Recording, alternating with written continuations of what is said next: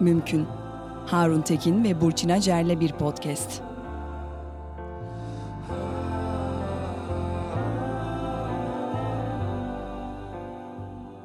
Ben Burçin Acar. Harun Tekin'le beraber Mümkün Podcast'in 6. bölümüne başlıyoruz. Harun hoş geldin.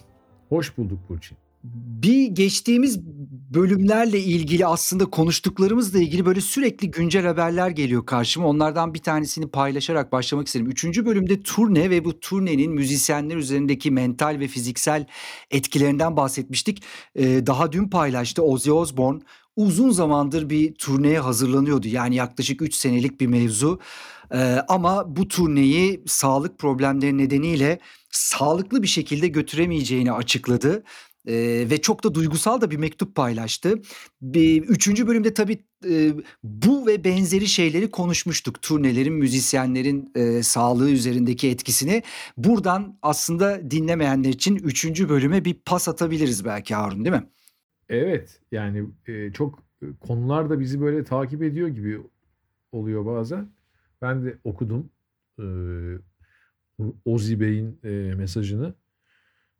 Tabii üzücü bir tarafı var çünkü e, hiç bitmeyecek zannediyorsun ama işte insanlar e, yıllar geçtikçe daha yoruluyorlar e, ve özellikle o derece artık yani çok fazla yıllardır bu işi yapan insanlar üstüne e, belli sağlık problemleri geldiğinde tabii çok zor oluyor. Gelmediğinde de zor zaten yani sonuçta orada fizikal ve mental bir performans var ortada. O o da e, şey değil. E, böyle çok kolay bir şey değil doğrusu. Evet bunu bunu üçüncü bölümde bayağı ayrıntılı anlatmıştın. Merak edenlerin o bölümü dinlemesini tavsiye ederim. Sıkça sorulan sorulara hemen adımımızı atalım. Ee, ODTÜÇ'e bir uzun mesaj yazmış. Kısaltıyorum. Bu bölüm sonları ya da şarkılarla ilgili konuşmamız ve de bölüm sonlarındaki bazı sürprizler yavaş yavaş da dinleyiciye geçmeye başladı. Onlarla ilgili birçok istek geliyor. Onlardan bir tanesi. Acaba Çocuklar ve Hayvanlar şarkısının demosu olan Sen İsterseni yayınlayabilirler mi bir mümkün podcast sonunda ve devamında da demiş ki bu sonları çok beğendiğini ve e, bu tarz kayıtların bir albüm olarak paylaşılması da mümkün mü diye eklemiş Ottüçe. Valla e, bizim tabii grup kararı e, öyle albüm yayınlamaklar falan onlarla ilgili bir şey söylemek kolay değil. E, çocuklar ve hayvanların demosunun öyle bir adı olduğunu ben bilmiyorum ama tabii benim bilmediğim bir yerde öyle bir adı olabilir. Ee, belki de hatırlamıyorumdur. Şarkının kod adı olabilir. Öyle bir MP3 bir yerde kayıtlıysa onun adı olabilir ki onun adıysa eğer o şarkının adı demek değildir ya da belki de öyledir bilmiyorum. Ee, Burak'a sormam lazım. Ee, nerede ne kayıt var diye ama biraz bizim bu bölüm sonları e, o bölümün içeriğiyle ilgili bir şey e, yapmaya çalıştığımız bir alan. Yani o sürprizler öyle ki kendimiz bile bazen son ana kadar e, şöyle mi böyle mi diyoruz seninle. O yüzden yani adı üstünde sürpriz olan bir şeyi öyle yapacağımızı söylememiz de çok yakışık almaz diye düşünüyorum. Ama güzel fikirler bunlar. Evet, eee, bölüm sonlarını şimdiye kadar atlayanlara tekrar hatırlatalım. Her bölümün sonunu itinayla dinleyiniz. Eee, bir soru daha var aslında bu soru bizim konumuzla da alakalı. Buradan da oraya geçebileceğimizi düşünüyorum. Enes Hüseyin Ergün eee, bir mesaj yollamış. Gül kendine en sevdiğim Mor ve Ötesi albümlerinden biri. Hayat şarkısını çaldıklarını, konserlerin çoğunu takip ediyorum. Hayat şarkısını çaldıklarını hiç hatırlamıyorum. Bu kadar güzel bir şarkıyı set liste alırlar mı? Neden almıyorlar diye sormuş. Sen istersen buna cevap verirken ben de e, set list bugünkü programımızın aslında ana konusu olan e, set listle ilgili birkaç soru hazırlayacağım. İstersen bu hayat konusunda bir, bir, bir cevabını alalım. E, hayat konusundaki cevabım şöyle. E, yaşamaya değer. E, hayat e, bizim Gülken'in albümünden sonra e, uzun süre bütün konserlerimizde çaldığımız bir şarkıydı. Yani 2001 ile diyelim 2006 arasında falan muhtemelen e, o hani ilk 11'e ilk yazılacak oyunculardan biri olarak e, yaşadı. Yıllarla beraber tabii e, şey oluyor. E, Aslında senin konuya girmiş oldum ben şu anda bu arada. Girelim. Girelim.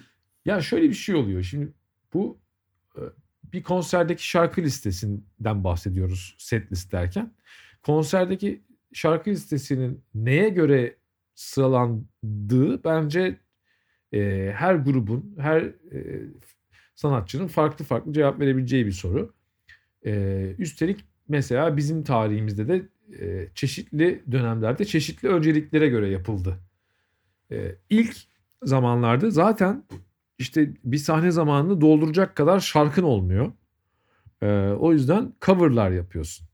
Yani bestelerle coverları bir arada e, düşünmenin bir sebebi e, bir, bir sahneyi dolduracak kadar cover'ın e, besten olmaması oluyor. Daha sonraki yıllarda bu sefer sadece bestelerden oluşan listelerle e, konserlere çıkıyorsun. Orada da onları nasıl sıraladığın, hangi dinamikle işte dizdiğin bir önem kazanıyor. Yani bir konsere çok yüksek enerjiyle başlamak, ondan sonra onu bir süre götürmek, sonra biraz sakinleşmek, sonra tekrar kudurarak bitirmek bir yol mesela. Hiç düşmeden çalmaya çalışmak, sakin başlayıp sonra yükselip tekrar sakin bitirmek ya da böyle sinüs dalgası gibi mesela uzun dalgalar biz onu stadyumda öyle yapmaya çalıştık mesela yani iki, bir yukarıdan başlayıp sonra biraz inip çıkıp inip çıkıp falan gibi ee, hep bu bir şey dalga sörfü gibi bir şey bence hayatta orada yani hayat gibi şarkılar çok belirgin şekilde e, onları şey diyelim yani modunu değiştiriyor şeyin. Konserde olup bitenin modunu değiştiren şarkılar onlar. Yani bir anda hayat çalmaya başladığında e, o şarkılardan biri değil öyle ha bir şey oluyor şeyi var. E, o da e, diyelim ki o hız o hıza sahip, o duyguya sahip e, ya da yakın duyguya sahip benzer şarkılardan e, belli bir sayıda aslında bir konserde çalmak mümkün oluyor bizim açımızdan. Yani e, ya, ya da ço- şöyle diyeyim çoğu konserde daha enerjik olan şarkıların bir seçim üstünlüğü oluyor. Daha enerjik olanlar, daha bilinen şarkılar, yerine göre daha yakın tarihte yayınlanmış şarkılar. Yani son albümden bol bol çalmak istiyorsunuz mesela gibi. E, hayat da böyle yani işte o hayat e, Gülken'le çıktığında son albümden bir şarkıydı. Ama şu anda 22 yaşında bir şarkı. Dolayısıyla aralarda tabii genç kardeşlerine yer verdiği çok ol, oluyor yani. Bu bu setlist meselesi hakikaten benim önce öteden beri ilgimi çeker. Çünkü böyle arkalarında bir fikir hatta bir matematik e, e, yattığını düşünürüm. Nitekim süreç içerisinde de bunu bazen görebiliyoruz. Bazen değişiyor mesela çok uzun süre aynı gidiyor set listler. Bu değişim belki gruptaki bir değişimi de gösteriyor bize. O da olabilir. Seyircideki veya dinleme ortamındaki değişimi de gösteriyor olabilir. Mesela hep aynı set listle aynı şarkıyla başlayanlar var. Tam tersi karıştıranlar var. Bunu bir tarz haline getirenler var. Hatta bu konuyla ile ilgili yine bizim podcastlerimizde sıkça konu oluyorlar. Bir başka Radiohead üyesi Ed O'Brien şöyle demiş. In Rainbows e, turnesi sırasında New York Magazine'e galiba verdikleri bir röportaj. Müzikteki en kötü şeylerden biri grupların her gece aynı seti çalmasıdır diyor. Bir bu kötü bir şey mi gerçekten? Ee, iki siz mesela bunları düşünüyor musunuz? Yani bu tür matematiği yani bugün bu set list çaldım mesela çok arka arkaya verecekseniz o konserleri ya bunu bir değiştirmeliyiz diyor musunuz? Bu, bu kötü bir şey mi her gece aynı set listi çalmak? Hayır e, yani her gece aynı set listi çalmak diye bir şey biz e, pek yapmadık doğrusu. Ama yani birebir aynı olmasa da şöyle bir şey oluyor. Diyelim ki e, Amerika'daki akustik turneden örnek vereyim o turneye başlarken e, bir set list oluyor kafanızda. Onu diyelim ki ilk konserde çaldınız. Şey, diyelim neydi o? Herhalde Washington DC'de bir yerde işte çaldınız. O çaldığınız liste acaba radikal bir değişikliğe ihtiyaç duyuyor mu? O akşam yoksa gayet iyi gitti mi? Ona göre ikinci akşam tasarlanabilir. Ee, ikinci akşam bir sürü şeyi yeniden düşünüp ya da şunlar yani yeterince iyi olmadı. Onun yerine şunu deneyelim dediğiniz şarkılar denenebilir. onunla başlamayalım, bununla başlayalım, onunla bitirmeyelim, bununla bitirelim. Ya da e, ne bileyim 18 tane şarkı çalıyorsanız mesela 17'si çok iyidir de bir tanesi de hani onun yerine şunu deneyelim kadar az bir değişiklik de yapabilirsiniz. Bence bir turnede setlistin arka arkaya yani gezdiğiniz şehirlerde birbirine benzemesi ya da aynı olması e, aslında ferahlatıcı ve bence konserin e, muhtemelen e, kalitesini arttıran bir yanı var. Yani bir tiyatro oyununu öğrenmek gibi konserdeki şarkıların sırasını da öğreniyorsunuz çünkü. Ve bir süre sonra o şarkının nerelerde geleceğini, o şarkının o gelişinde nasıl bir enerji yayacağını, ondan sonrakiyle etkileşimini falan öğrenmeye başlıyorsunuz. O yüzden de iyi işleyen set listler vardır ve iyi işleyen set list bölümleri vardır bir de. Yani mesela bizim pek çok konserimiz bir derdim varla ya biter ya da konser bizden önce bir derdim varla biter. Bu iyi bir şeydir mesela ve biz bunu yaparız ve muhtemelen yapmaya devam ederiz. Bu o e, bunu yani ne bileyim 200 kere yapmış olabiliriz mesela.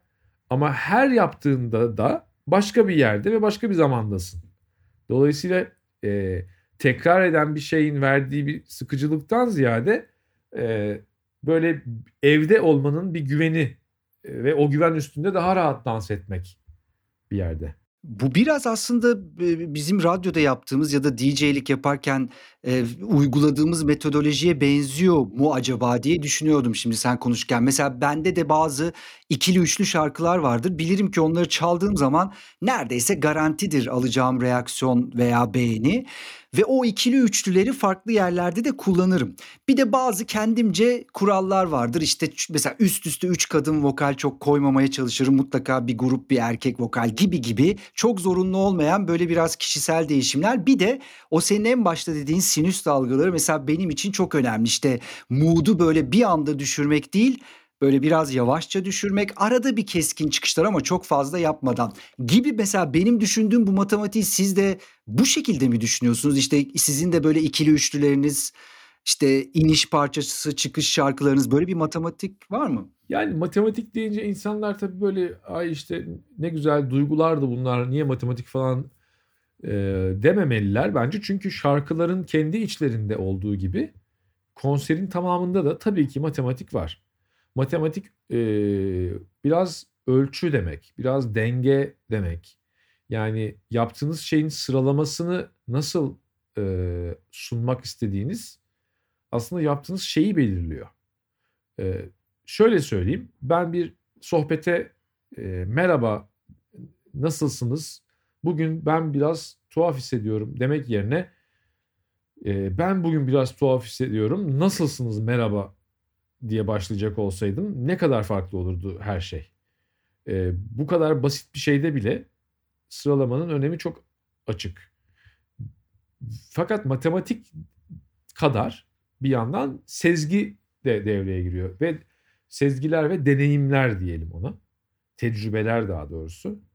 E, hatta ler de değil tecrübe. Yani aşağı yukarı nerede ne yaparsanız nasıl bir etkisi olacağına dair bir iyi bir tahmin. E, çünkü orada 100 kere de çalmış olsanız her orada çaldığınız konser yeni bir konser. Oraya gelen insanlar yeni bir insan grubu. Siz de daha önce gelen insanlar değilsiniz. İçinde yaşadığınız dünya da değişti. Dolayısıyla hani diyelim ki bir konser mekanında aynı sene bile dört kere çalsanız o konserlerin her biri farklı birer e, yaratık. Öyle olduğu için de mesela biz daha çok ona biraz dikkat etmeye çalışıyoruz. Diyelim ki Ankara'da 3 konser yapıyorsak eğer o yıl o 3 konserin listelerinin birbirinden farklı olmasına mutlaka gayet ederiz. Ama diğer yandan eğer aynı olmasaydı da yani pardon ayrı olmasa ve birebir aynı şarkıları çalıyor olsaydık da o konserler yine özgün birer konser olurdu. Onu da söylemeden geçmeyeyim. Hatta belki rastlamışsındır son dönemde Metallica böyle bir turne açıkladı. No Repeat Weekend diye. Aynı şehirde işte iki konser verip tamamen farklı setlist deneyecekler. İlk defa böyle bir şey deniyorlar. Ee, bilmiyorum nasıl bir sonuç alacaklar. Çok güzel, çok eğlenceli. Çok eğlenceli yani. Çünkü o aynı zamanda nasıl bir katalogu olduğunu da anlatıyor grubun yani. Sana bir akşam biz yani bir stat dolusu insana hiç mesela Unforgiven, One ve işte Forum the Bell Tolls çalmadan yine de çok iyi bir konser yapabiliyorlar mesela. İnanılmaz bir şey. Doğru. Evet yani çok çok grup için belki söylenemeyecek bir şey. Ee, ama sizin deneyebileceğiniz bir şey gibi. Bu şeyi merak ediyorum. Ben mesela bir ara bir tane kitapta, bir müzikle ilgili bir kitapta Herhalde eskiden öyleydi. Şu an nasıl bilmiyorum. Bu set listlerin işte el yazısıyla yazılıp hatta bazen aralarında grafiklerin, resimlerin olduğu böyle bantlarla yere işte duvarlara yapıştırıldığı bir takım böyle fotoğraflardan oluşan e, bir, bir kitap kitaba rastlamıştım. O zaman yani setlist yazımının da ayrı bir aslında kimi yerde sanat eseri gibi benim açımdan algılandığını gördüm. Sizde böyle şeyler, alışkanlıklar var mıydı ve hala var mı? Yok. Bizde daha çok şey var. Ee, genelde bizim menajerimiz Duygu bir noktada setlist diye böyle WhatsApp'tan ya da analog olarak bağırmaya başlar. Ee, o sırada da ona iletilir e, mümkün mertebe hızlı bir şekilde. Ama hazırlık son anda yapılıyor diye değil. Mutlaka işte e, şöyle mi böyle mi diye bir şey olduğundan. Ama sonuçta o listeler bizde çok standart bir şekilde kağıda basılıyor. Büyük okunabilir bir fontla şarkıların birbirinden ayırt edilebildiği bir şekilde. E, ama şey güzel bir şey. Ben de biliyorum onu yani bazı e, e, ne bileyim öyle ona eğilimi olan insanlar vardır ya en ufak bir yazıyı bile böyle hat sanatı gibi yazar kenarına bir kelebek kondurur falan öyle onlar da güzel şeyler aslında. Ben daha ziyade korkunç bir el yazısıyla küçücük bir yerde böyle onları ancak benim anlayacağım şekilde yazıp sonra dijitale geçirip yolluyorum. Peki e, şimdi tabii bu set listten bahsederken dinleyicilerimizden bazıları şunu merak ediyorlardı. Şimdi ortada bir konser var, İnönü konseri, bir film var. Her iki set list arasında bazı farklılıklar var. Ee, mesela buraya gelmeden o farklılıklar ve sebeplerine gelmeden sürpriz unsurunun da set listlerdeki yerini merak ederim. Mesela İnönü'de benim için e, 23 biraz sürprizdi. Hani ya diğer bütün şarkıları tahmin ettim demiyorum ama ağırlıklı olarak beklediğim gibi giderken 23 biraz benim için ters köşe oldu. Bir genelde konserlerde böyle sürprizleri seçme veya işte bu sürprizlere yer verme ya nasıl karar veriyorsunuz? Daha sonra da istersen konser ve film arasındaki bu set list e, farklılıklarından da bahsedebiliriz. Sürpriz e, kararı bence şey e, maceracı olmakla temkinli olmak arasında bir karar. Çünkü biz mesela şeyi yapabiliyoruz şu anda. Bir buçuk saate yakın hepsini herkesin bildiği şarkılardan oluşan bir liste yaparak çok eğlenip böyle gürültülü işte danslı falan böyle bir şey yapabiliyoruz. Fakat sadece bunu yapmak da bizi genelde çok eğlendirmediği için mutlaka oralara aralara işte o sürpriz dediğin şeylerden katmaya ya da hatta sürprizini bol tutmaya çalıştığımız zamanlarda oluyor. Ee, işte mesela e, şeye BİS'e 23 ile başlamak işte daha küçük bir kulüp konserinde belki beklenebilecekken stadyumda bence de bir sürprizdi ve güzel bir sürpriz olduğunu hissettim. Benim için de öyleydi bu. Yani çünkü o onun nasıl hissedileceğini bilmediğin için daha önceden e, o öyleydi. E, burada çeşitli yaklaşımlar var. Yani biz şu anda çok düşünen yani bu konu üzerine düşünen bir grubun şarkıcısıyla konuşuyorsun sen. Bu konu üstüne hiç düşünmeyenler de var ve o da bence mantık güzel bir yol yani. Bak ona bile mantıklı diyordum. Güzel bir yol yani o, o, o şekilde şöyle çıkıp ne içinden geliyorsa çalmak. Bir sonraki şarkıyı mesela davulcu veya gitarcı hangisine girerse onu çalmak. Oradan birisi bir şey bağırdığında onu çalmak falan. Bunlar çok bize göre olmayan ama e, gayet meşru yöntemler yani. O şekilde de oluyor gayet de iyi oluyor. Hiç kimse itiraz edemez bence buna. Ama biz şeyi tercih ediyoruz hakikaten yani aşağı yukarı zaten orası riskli ve böyle tuhaf bir yer. Hani bilinemez bir sürü şey var.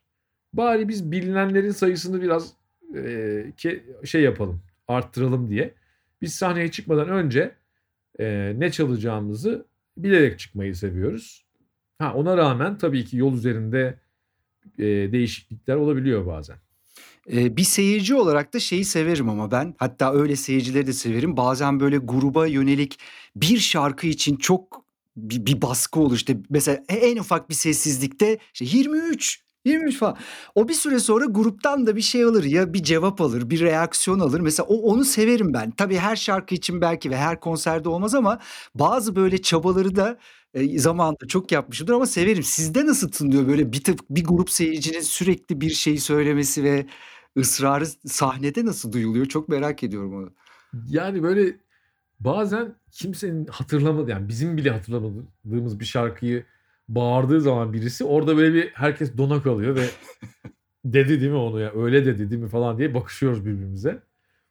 Ama mesela hani öbür uçta da şey var yani bir derdim var diye bağırıldığı zaman da mesela yani yani ben şey diyorum yani biliyorum o da bizim şarkımız falan ve çalacağız yani. Yani onu zaten çalmana imkan yok. O, o onu hani onu erkenden istemek gibi tınladığında da bu sefer hani bazen öyle de oluyor. Yani hadi kardeşim çalın şu bir derdim var da işimiz gücümüz var gibi hissettiğimizde çok nadir de olsa oluyor. O zaman da işte onu e, sona doğru çalmanın faydalı olduğu, anlamlı olduğu sonucunu çıkartıyoruz yani. Çünkü tabii şarkılar o kadar e, farklı yollardan geçip şu anda oldukları yere geliyorlar ki e, yani ve o kadar farklı farklı kümelerler ki bizim için. Yani onların böyle kümeleri var. Yani o kümelerde bazı arkadaşlar yani yıllardır bir konserin mutlaka son çeyreğinde oluyorlar yani. Onu alıp da onunla şarkı o şarkıyla konsere başlayamazsın gibi yani neredeyse. Ee, ve bunların sebepleri var hakikaten. Yani bunlar yol yol üzerinde oturmuş böyle şeyler oluyor. En son bu sene biz bu Sirenlerden sonra ilk Anadolu turnemizi yaparken e, ve herkes işte İstanbul konseri niye yok, İstanbul niye yok, işte her yer var İstanbul niye yok derken ve biz İstanbul'un o sırada henüz niye olmadığını söyleyemezken e, çünkü olacaktı bir tane büyük. E, o anda işte Isparta'da, Konya'da, e, Antalya'da, Mersin'de yanlış hatırlamıyorsam denediğimiz bir şey vardı. O mesela set list konusuna dair enteresan bir bilgi olabilir. Ee, yeni albümde 11 tane şarkı var. 11 şarkının 2 tanesi piyano bazlı şarkılar. Onları bir kenara koyuyorum. 9 tane e, şarkıdan 6 ya da 7 tanesini mutlaka çalmaya çalıştığımız e, bir konser serisi oldu. Fakat o 6-7 şarkının hangileri olduğunu her akşam değiştirip ona göre de set listi değiştiriyorduk. Yani mesela şu işte tüneli çıkartalım, istiklali koyalımsa mesela o tam olarak aynı yere koymak gibi değil. O zaman onun daha iyi tınlayacağı yer şurası. Ya da kaptanı çalacaksak onunla başlamayı deneyelim. Ee, çalmayacaksak yeni bir şarkıyla başlamayalım gibi. Çok güzel yöntemmiş ya. Bu, bu, bu biz, biz tabii şimdi İnönü'yü seyrettik ve ondan sonra filmi seyrettik. O aradaki bu yaptığınız e, denemeleri de görmek isterdim. Şimdi o zaman istersen şöyle yapalım. Yani sana tüneli niye çalmadınız diye bu sefer sormayacağım. Tekrar soruyorsun. Şöyle değil. Da, Hayır sormayacağım. Ee, şimdi İnönü Stadı'ndaki set list ve tamiri mümkün. Arada farklılıklar var. Ee, o farkı hani tek tek şarkı şu var niye yoktu bu niye vardı demeyeceğim ama yani bunun bir mantığı vardır. Neden aradaki set list e, farklılıkları vardı? Tabii ki değişiklik niye var? Ee, bu arada ben de bu sohbetin sonunda bir tane şarkıyla ilgili e, özel bir açıklama yapmak istiyorum aslında. Onu da söyleyeyim. Oo. Ee, Peki. Bu ikisi arasında farklar şu yüzden var. Temel olarak süre yüzünden var. Yani biz vizyona girmesi gereken bir filmin zaten çok alışıldık bir film değil ya bu.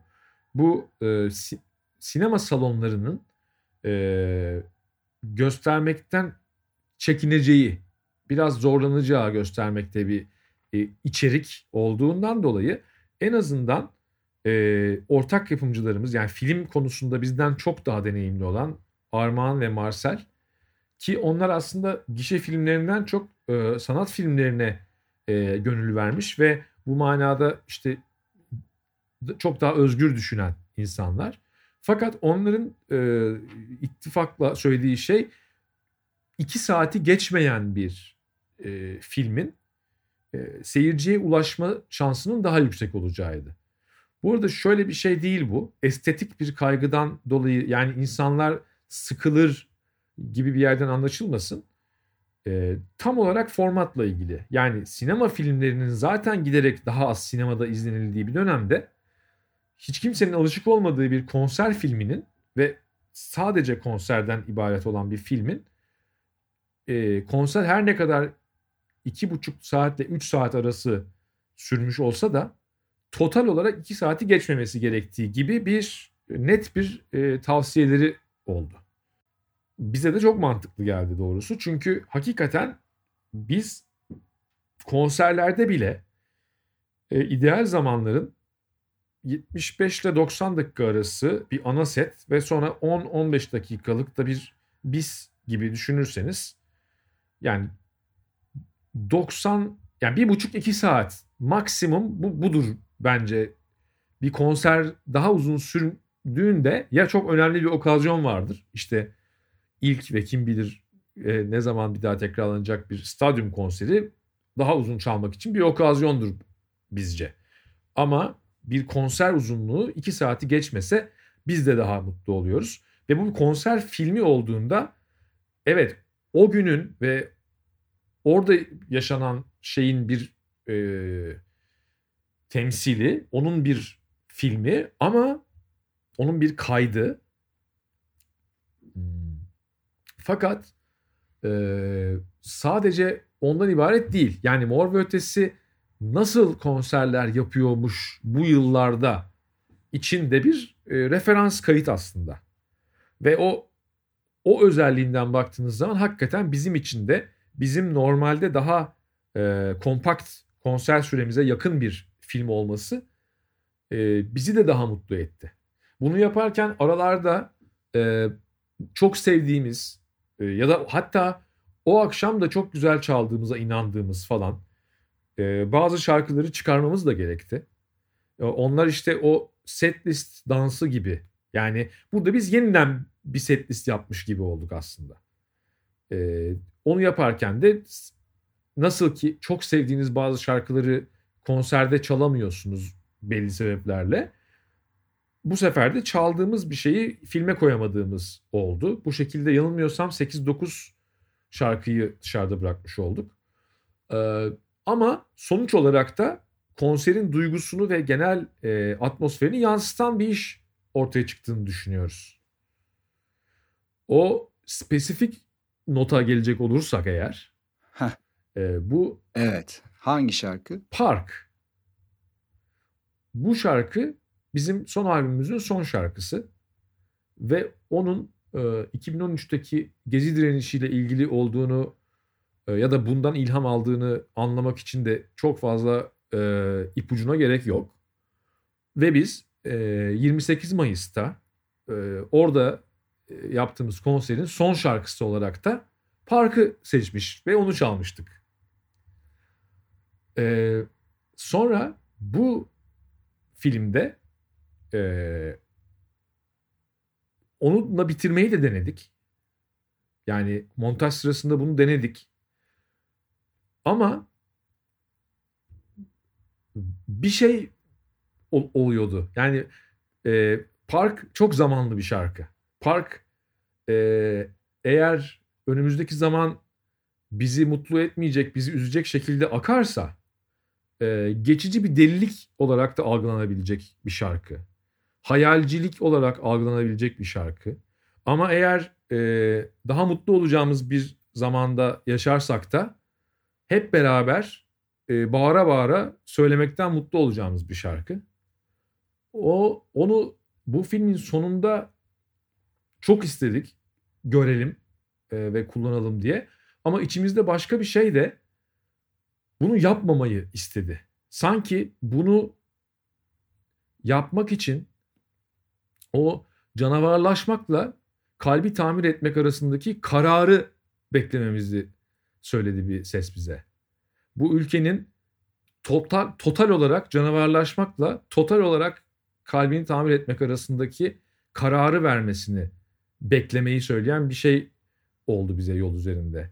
Ve biz e, konseri yaparken ki atmosfer ben bu arada geçen hafta sonu Bir Gün Gazetesi'nde yayınlanan bir mektup yazdım Mücella ablalara. Ee, onlara yazdığım mektupta söylediğim şey çok geçerli. Geçen sene o zamanlar e, çok daha umutlu ve e, ferah bir hava vardı. Şu anda ve bu film çıkarken e, o kadar da umutlu ve ferah bir hava yoktu. Ve biz e, sirenlerle ve o konserle zaten söylemek istediğimiz şeyi ifade ettik. Biz tarihin ne tarafında durduğumuzu ifade ettik. Şimdi o şarkıyı tekrar hep birlikte e, ve bu sefer belki sevinç gözyaşlarıyla söyleyeceğimiz zamanı bekliyoruz. O yüzden filme koymadık. Bu, bu, bu zaten park en çok sorulan soruydu. Bence çok kıymetli bir cevap oldu bu. Her bölümde olduğu gibi yine hazine değerinde şeyler söyledin ve bana yine bir sürü soru sorma hevesi, bende yine bir sürü soru sorma hevesi uyandırdın ama bugün kendimi burada noktalayacağım, tutacağım. Bir sonraki bölüme belki bunları aktarırım. Harun çok teşekkürler. Çok merak ettiğim bir konu hakkında çok değerli bilgiler verdin bana. Haftaya görüşürüz. Ben de sana çok teşekkür ederim. Haftaya yeni sürprizlerle buluşacağımızdan kimsenin şüphesi olmasın. Herkese güzel bir hafta sonu diliyorum.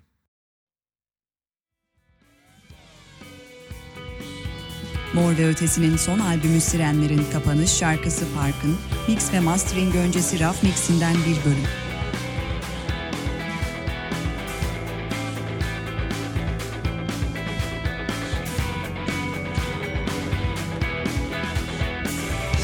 Bazı şeyleri unutma. bilmesem de kardeşsin Biz neye söz vermiştik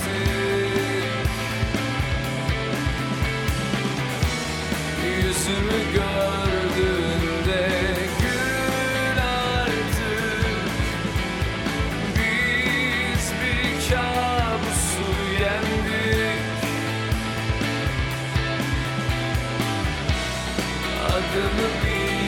bilmesen de kardeştik Biz ne söz vermiştik Parka